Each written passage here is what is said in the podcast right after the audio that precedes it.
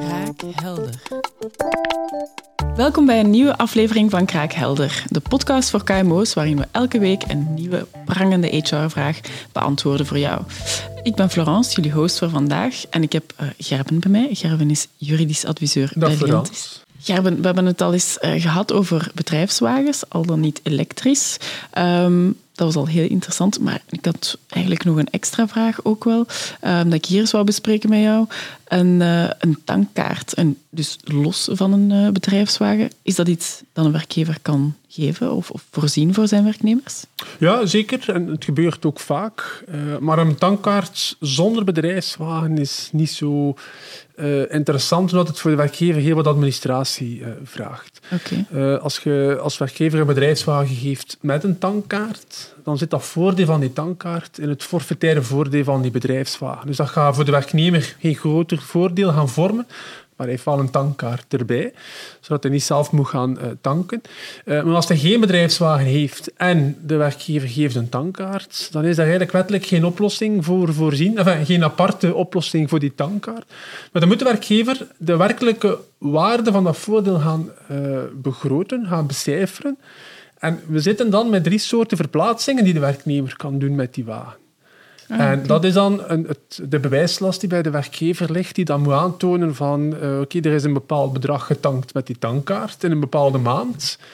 En dan heb je die drie soorten verplaatsingen. En dan moet je als werkgever kunnen aantonen van kijk, uh, de helft was voor het werk. Dus dat is vrijgesteld van RZ en belasting, want het is een beroepsverplaatsing. Een derde was gewoon werkverkeer. Dus dat, was, dat is dan uh, vrij van sociale zekerheidsbijdrage, maar wel belastbaar, met een fiscale vrijstelling van een bepaald bedrag uh, per jaar. En dan de eigenlijke uh, privéverplaatsingen, dus de, de getankte brandstof voor die verplaatsingen te doen, dat is eigenlijk beschouwd als loon. Okay. Dus het is die onderverdeling die de werkgever iedere maand opnieuw moet gaan maken en het getankte bedrag dan overslaan over die drie verschillende soorten, om dat zo op een correcte manier op de loonbrief uh, te krijgen. Dat lijkt me zeer complex. Well, dat is het ook. En als ze het aan mij vragen, ga ik het meestal afraden. Wat we ja. dan wel kunnen zeggen is, en dat hoor je, lees je ook wel redelijk vaak van, uh, neem nu dat de werknemer uh, weinig beroepsverplaatsingen doet, of quasi geen, en hij heeft heel weinig uh, woon-werkverkeer, dan kan je gewoon zeggen als werkgever van kijk, je krijgt hier een tankkaart uh, en we geven gewoon Hans dat bedrag aan als loon. Okay. Het voordeel is natuurlijk dat de werknemer zelf niet moet gaan tanken. Hij mag tanken voor bijvoorbeeld, zeg maar iets, in die maand 200 euro. Uh, maar door de RZ en belasting die hij erop betaalt, uh, kost hem dat eigenlijk maar een goede 120 euro. Dus waar hij normaal gezien 200 ja. euro zelf zou moeten betalen om die wagen vol te gooien, of, of er elektriciteit in te steken, zo je wil, uh, dan gaat hij nu die tankkaart krijgen, wordt hij daarop belast en betaalt hij RZ. Maar kost het hem in totaal ook maar, eh, laten we zeggen, 120, 130 euro. Dus er is wel een verschil dan. Er is nog wel een voordeel uh, voor die werknemer aan die tankkaart. En voor de werkgever is het vrij beperkt ook qua administratie. Ja. Is het ook een vast woon-werkverkeer, is het ook makkelijk de opsplitsing gemaakt. Je hebt deze maand x aantal woon-werkverkeerverplaatsingen, dat is zoveel kilometer. Dan kan je heel makkelijk die uh, verdeling gaan maken op basis van de kilometerstand op het einde van de maand. Dan kan je makkelijk zeggen van zoveel woon-werkverkeer, de rest privé, de rest is loon. En dus Ja. op die manier kan je die complexiteit nog wel een klein beetje gaan uh, omzeilen. En stel, we spelen advocaat van de duivel en een, een werknemer die daar misschien uh, misbruik van maakt of ineens plots heel hard boven dat bedrag gaat of, uh, of toch ja, een ander soort verplaatsing daarmee maakt. Ja, als je dat merkt als werkgever, wat moet je dan doen? Of, uh... Ja, dat is een, een, ook een vaak voorkomend probleem. En vaak worden daar af en toe wel mee geconfronteerd van een werknemer die dan plots een bedrijfswagen of zijn tankkaart gebruikt voor zijn bijberoep. Hij heeft Ja. in het weekend een bijberoep, eh, een traiteurszaak of heel veel kilometers. Ja, plots verschijnt dat ook op die tankkaart. Als daar geen afspraken rond gemaakt zijn, is dat heel moeilijk voor de werkgever om te gaan zeggen van ja, dat kan niet. Dus het is heel belangrijk als je zo'n tankkaart geeft om vooraf toch een aantal goede afspraken te maken. Zijn bijvoorbeeld van tanken in het buitenland is uitgesloten. Ja. Eh, of je kan er niet mee tanken tijdens de vakantieperiode. Hè. Als je langer dan twee weken thuis bent, kan je er niet mee tanken. Eh, of je kan ook gewoon zeggen, kijk, maximaal zoveel per maand. Zoveel liter, zoveel eh, euro per maand. Dat kan je zeker gaan beperken.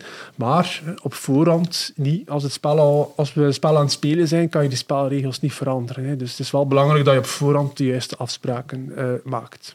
En bij een, eh, als we een bedrijfswagen hebben ehm, met een tankkaart, dan die drie soorten verplaatsingen, die vervallen dan volledig? Of- Ja, dan, eh, dan zit het, eh, het voordeel van die tankkaart zit dan volledig vervat in het fiscale voordeel van die bedrijfswagen. Ja. En dat wordt dan berekend op de cataloguswaarde, dus de prijs van die wagen, en de CO2-uitstoot. Dus dat, die twee factoren worden in een formule gegooid. En dan heb je een forfaitair bedrag. Dat is dan de basis waarop de belasting wordt berekend. En die tankkaart zit daar gewoon in. Dus dan heb je heel die complexiteit niet van onderverdelingen, die drie soorten verplaatsingen. Oké. En de drie soorten verplaatsingen, stel dat we dan toch werken met enkel een tankkaart, geen bedrijfswagen. Is het dan aan de werknemer om aan te geven hoeveel procent of hoeveel verplaatsingen hij doet, om aan te geven bij de Maar werkgever? in de eerste plaats is het, moet het correct op de loonbrief komen. Hè. Dus Ja. de verantwoordelijkheid zal een beetje bij de werkgever en de werknemer liggen. Ja. Dus er wordt daar best ook op voorhand gezegd van kijk, eh, als je echt eh, niet weet wat de verdeling zal zijn, dan raden wij aan om met een logboek te werken. Om echt elke verplaatsing die je met die wagen doet, eh, te gaan noteren. En in het weekend bijvoorbeeld, ja, kilometerstand de vrijdagavond na het werk tot de zondagavond, dat je correct ziet van kijk, dat zijn privéverplaatsingen. Dus daar is het ook de verantwoordelijkheid van de werknemer om alles op een correcte manier eh, in te vullen. En een tankkaart zonder bedrijfswagen, dat, is echt toch, allee, dat moeten we echt anders zien als een onkostenvergoeding. Bijvoorbeeld iemand die zegt, ik heb zoveel en zoveel gereden, dat, eh, dat heb ik opgedaan, zeg maar. En dat de, de werkgever die dat vergoedt. Of, In die zin is het zo dat eh, de beroepsverplaatsingen zijn één van die drie verplaatsingen. Dus eh, Ja. als je kan aantonen van kijk, ik heb de helft, deze maand heb ik de helft van de kilometers gedaan voor het werk, dan zal 100 van die 200 euro zal dan als onkostenvergoeding mogen eh, geboekt worden, waarop dat er dan ook geen RZ en bedrijfsvoorheffing moet betaald worden. Dus ehm, ja. Dat komt dan, op de, ook correct, dat komt dan bij onkostenvergoeding op. eh, en zelfs als, eh, als de tankkaart van de werkgever is en de werknemer heeft dat zelf niet moeten voorschieten, dan moet er in principe zelf niets op, eh, op de loonbrief. Van die beroepsverplaatsing dan bedoel Ja. ik. Oké, dankjewel Gerben. Ik vond het heel duidelijk. Is er nog iets dat jullie meegeven of zo over, over tankkaarten? Of, Maak goede afspraken. Hè. Dus Ja. als je zegt van als werkgever ik wil een tankkaart geven, of dat dan nu ook iemand met bedrijfswagen of zonder bedrijfswagen is, maak afspraken. Wat kan, wat kan niet. Zijn er maxima die moeten gerespecteerd worden? Mag je tijdens de vakantie? Mag je in het buitenland? Eh, tijdens de vakantie zal meestal wel moeten toegelaten zijn, want het een stuk is van het loonpakket natuurlijk. Hè. Maar eh, in het buitenland dan kan je makkelijk gaan ehm, eh, ja, verbieden. Eh, en ook ja, het maximumbedrag of zo. Zorg dat dat in orde is dat je, en dat je daar duidelijke afspraken over maakt. Oké, dankjewel. Graag gedaan. Zo, deze aflevering van Kraakhelder zit er weer op. Bedankt voor het kijken en of luisteren naar onze podcast. Heb je zelf nog een vraag die je heel graag wil beantwoord zien worden, dan kunnen onze experts jou te woord staan. Dus eh, stuur jouw vraag zeker door naar liantis.be slash kraakhelder of naar kraakhelder.podcast via onze Instagram. Tot de volgende keer.